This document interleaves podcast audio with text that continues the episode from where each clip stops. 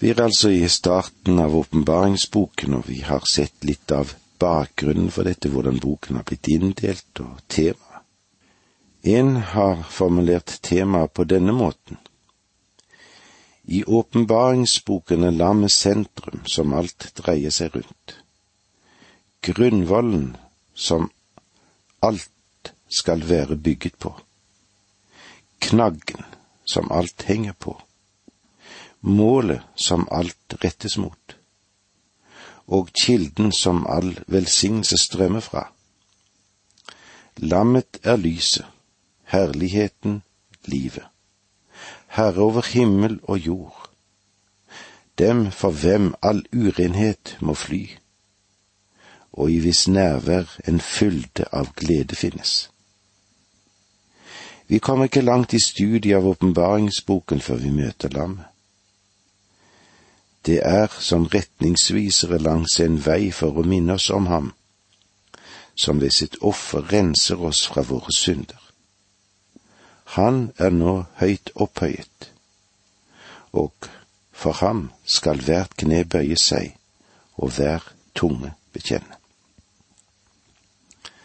Ja, til denne mektige beskrivelsen, hva kan vi si? Jo, vi kan bare si halleluja. Lammet skal herske på denne jorden.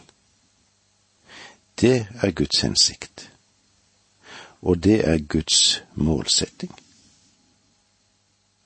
Vi har nå sett på et tema, men vi vil også se litt på inndelingen som vi har i åpenbaringsboken. Som jeg har sagt i et tidligere program, så er åpenbaringsboken egentlig ikke noen vanskelig bok.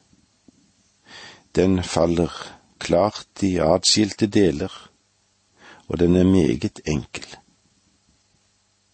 Dette er ingen bok som krever en ekstra jobb for å oppdage sammenhengen i den. Johannes ordner alt opp for oss gjennom de syner som blir gitt ham.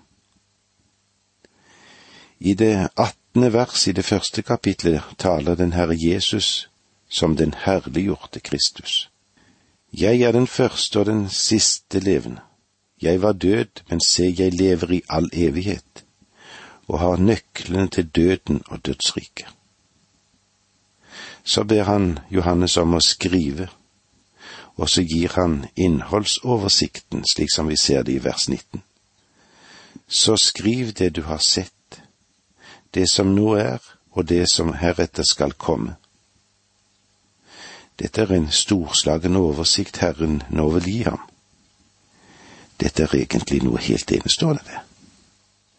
Først så sier han, Jeg er den som lever. Og så ber han Johannes om å skrive det du har sett. Det er fortid, en perfektum, og henvist til synet av menneskesønnen i himmelen den herliggjorte Kristus i åpenbaringsboken kapittel 1. Deretter så sier han, Jeg var død, men se, jeg lever. Og hans henstilling til Johannes er, Skriv det som er. Dette er presens, og henviser til Jesu nåværende tjeneste. Og vi vil se at den levende Kristus er svært opptatt med å foreta seg noe nå. Vet du, han er hodet for kirken, eller menigheten. Vi møter Kristi tjeneste for menigheten i åpenbaringsboken når vi kommer til kapitlene to og tre. Det tredje som Kristus sa var, Jeg har nøkkelen til døden og dødsriket. Og når vi så kommer til kapittel fem, vil vi se at en fant ingen som kunne åpne boken uten at det var én den Herre Jesus Kristus. Så har vi åpenbaringsboken i kapitlene seks til 22 har å gjøre med fremtiden.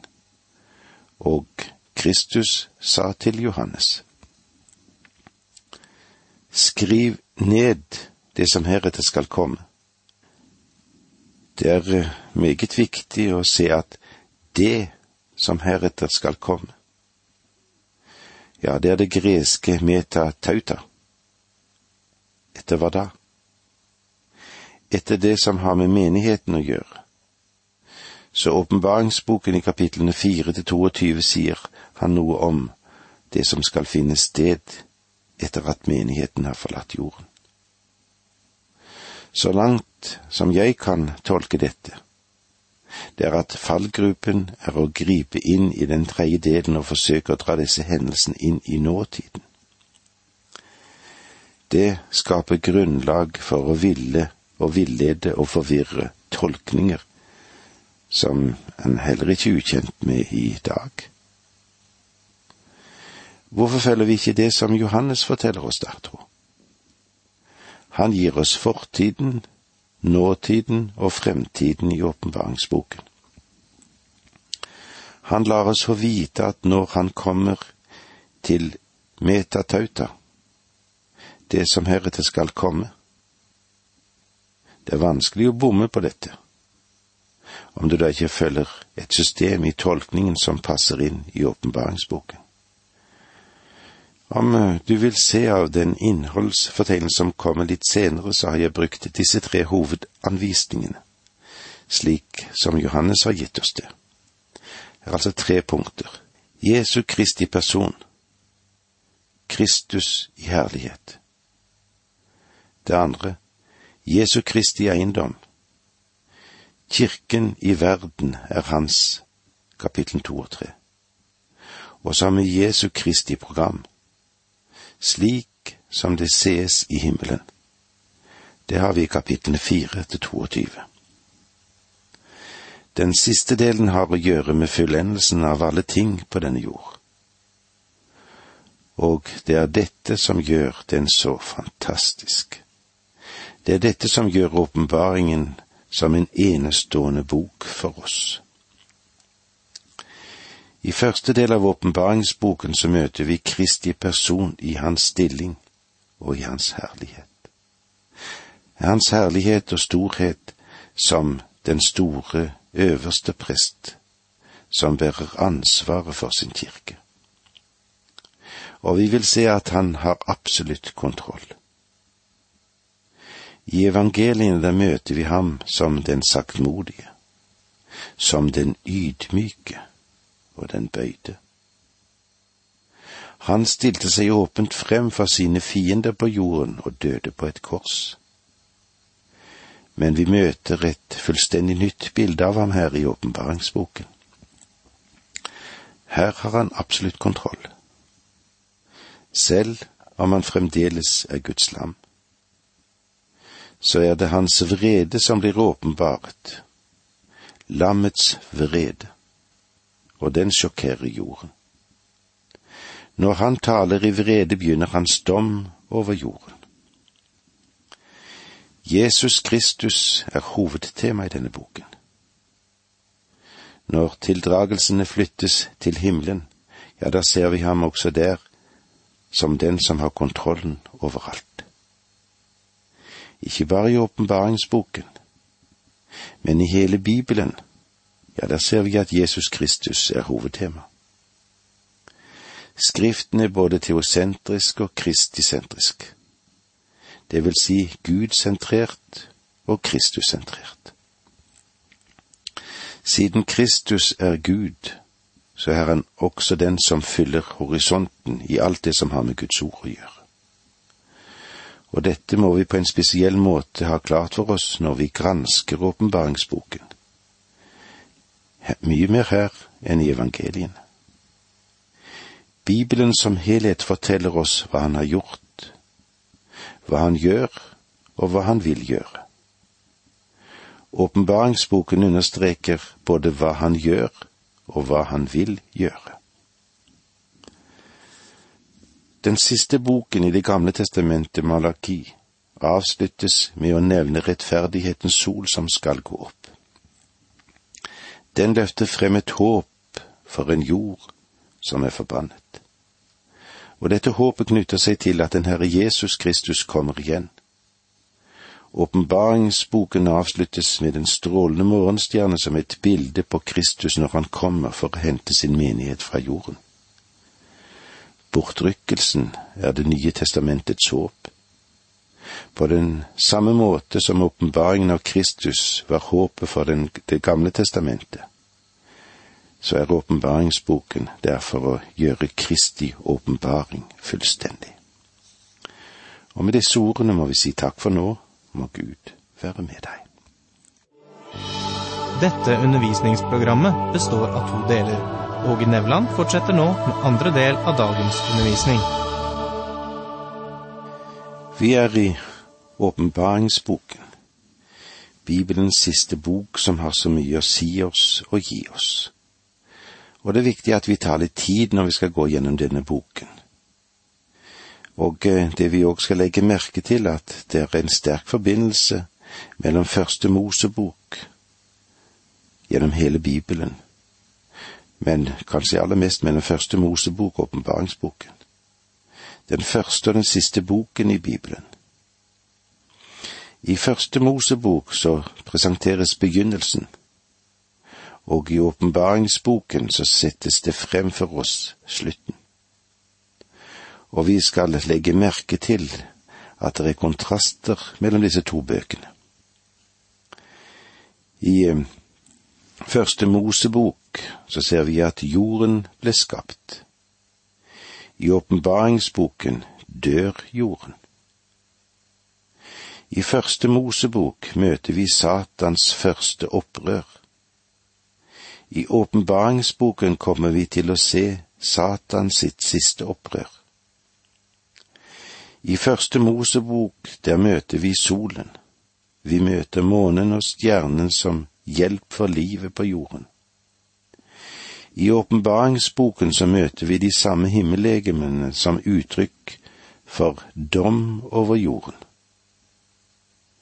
I første Mosebok skal solen vokte dagen. I åpenbaringsboken er det ikke noe behov for en sol. I første Mosebok ble mørket kalt natt. I åpenbaringsboken skal ingen natt være mer. I første Mosebok ble vannet kalt hav.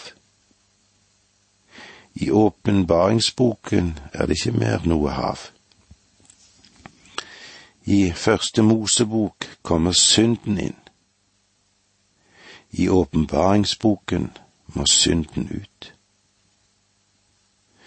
I første Mosebok ble det uttalt en forbannelse. I åpenbaringsboken er forbannelsen borte. I første Mosebok kom døden. I åpenbaringsboken er er det ikke lenger noen død. I første Mosebok møter vi begynnelsen til sorg og lidelse. I åpenbaringsboken skal det ikke lenger være noen sorg og ingen flere tårer.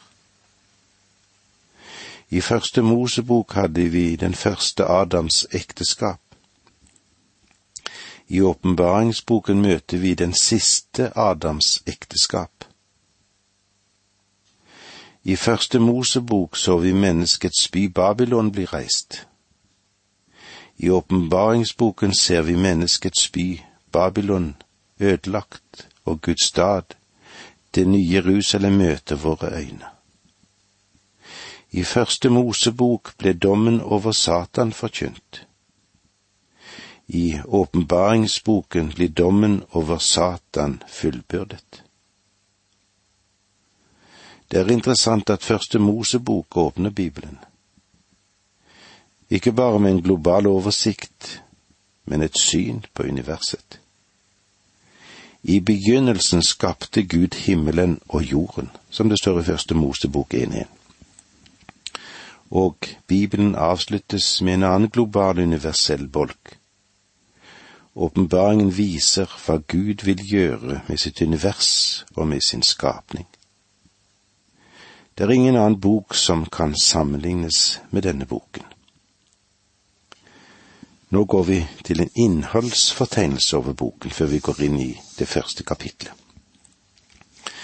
Innholdsfortegnelsen, den har vi kanskje òg vært innom tidligere, men det er viktig for oss å ta det med oss likevel. Det første er Jesu Kristi person. Kristus i herligheten, som vi har i kapittel 1. Jesu Kristi eiendom, menigheten i verden som vi får i kapitlene to og tre. Her finner vi brevene til de syv menighetene. Det tredje er Jesu Kristi program. Dette scenario er satt i himmelen. Det ser vi i kapitlene fire til 22. Og eh, den første er her, de to kapitlene da etter hverandre, fire og fem. Menigheten i himmelen med Kristus. Den andre delen som vi har, i kapitlene seks til atten, den store trengsel. Det første, boken med de syv seil åpnes. Det andre, de syv trompeter lyder. Det tredje, de syv hovedfigurer under den store trengsel. I kapittel 14 slutten på den store trengsel. De syv vredes skåler tømmes, som vi vil se i kapittel 15 og 16.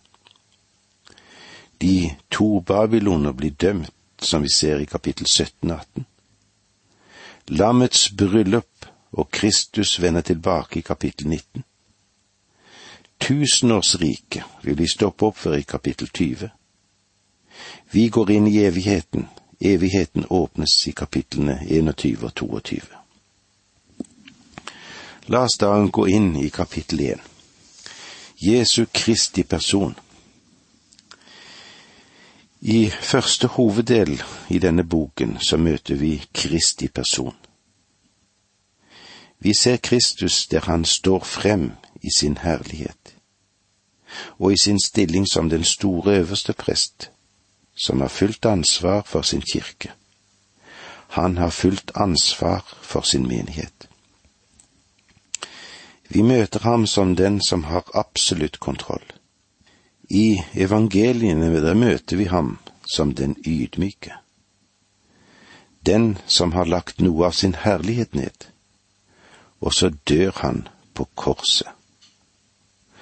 Han stilte seg frem for hogg fra sine fiender på jorden. Men slik møter vi han ikke i åpenbaringsboken. Han har kontroll. Han er fremdeles Guds lam. Men vi møter ham her som den som han er, lammets vrede som ryster jorden. Selve hovedtemaet i hele Bibelen er om den Herre Jesus Kristus.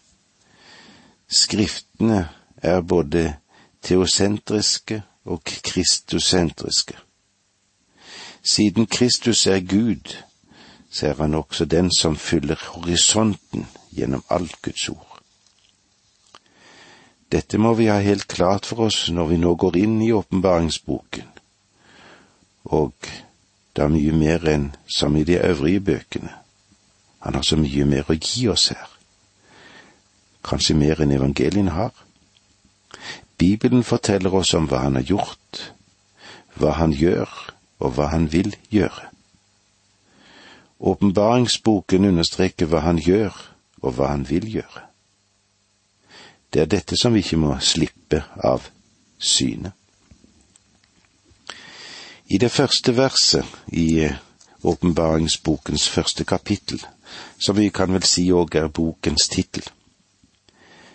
Det lyder slik. Dette er Jesu Kristi åpenbaring som Gud ga han, for at han skulle vise sine tjenere det som snart skal skje. Han sendte sin engel og gjorde det kjent for sin tjener Johannes. Vil du først av alt legge merke til at tittelen av boken er Åpenbaring, entall, ikke flertall. Dette er åpenbaringen, ikke åpenbaringene. Det er akopalypsis, det vil si avdekking, avsløring, eller Jesu Kristi åpenbaring for at han skulle vise sine tjenere det som snart skal skje. I det siste kapittelet i åpenbaringsboken får Johannes beskjed om at han ikke skal sette seil for de profetiske ord i denne boken, for tiden han er. Det er ikke en forseglet bok. Den er åpen og skal forstås i vår tid. Den er en kontrast til profetien som vi ser i Daniels boken, den som Daniels fikk beskjed om å forsegle. Den Herre Jesus gav oss noen lignelser som kalles for mysterielignelsene. Og for mange i dagens menigheter er det fremdeles mysterium. Men den Herre Jesus han formulerte det slik som vi ser i Markus, det fjerde kapittelet, ellevte og tolvte versene der. Og til dere er hemmeligheten om Guds rike gitt, men til dem som er utenfor, blir alt sagt i lignelser, for at de skal se og se, men ikke skjelne, høre og høre, men ikke forstå, slik at de kunne vende om og få tilgivelse.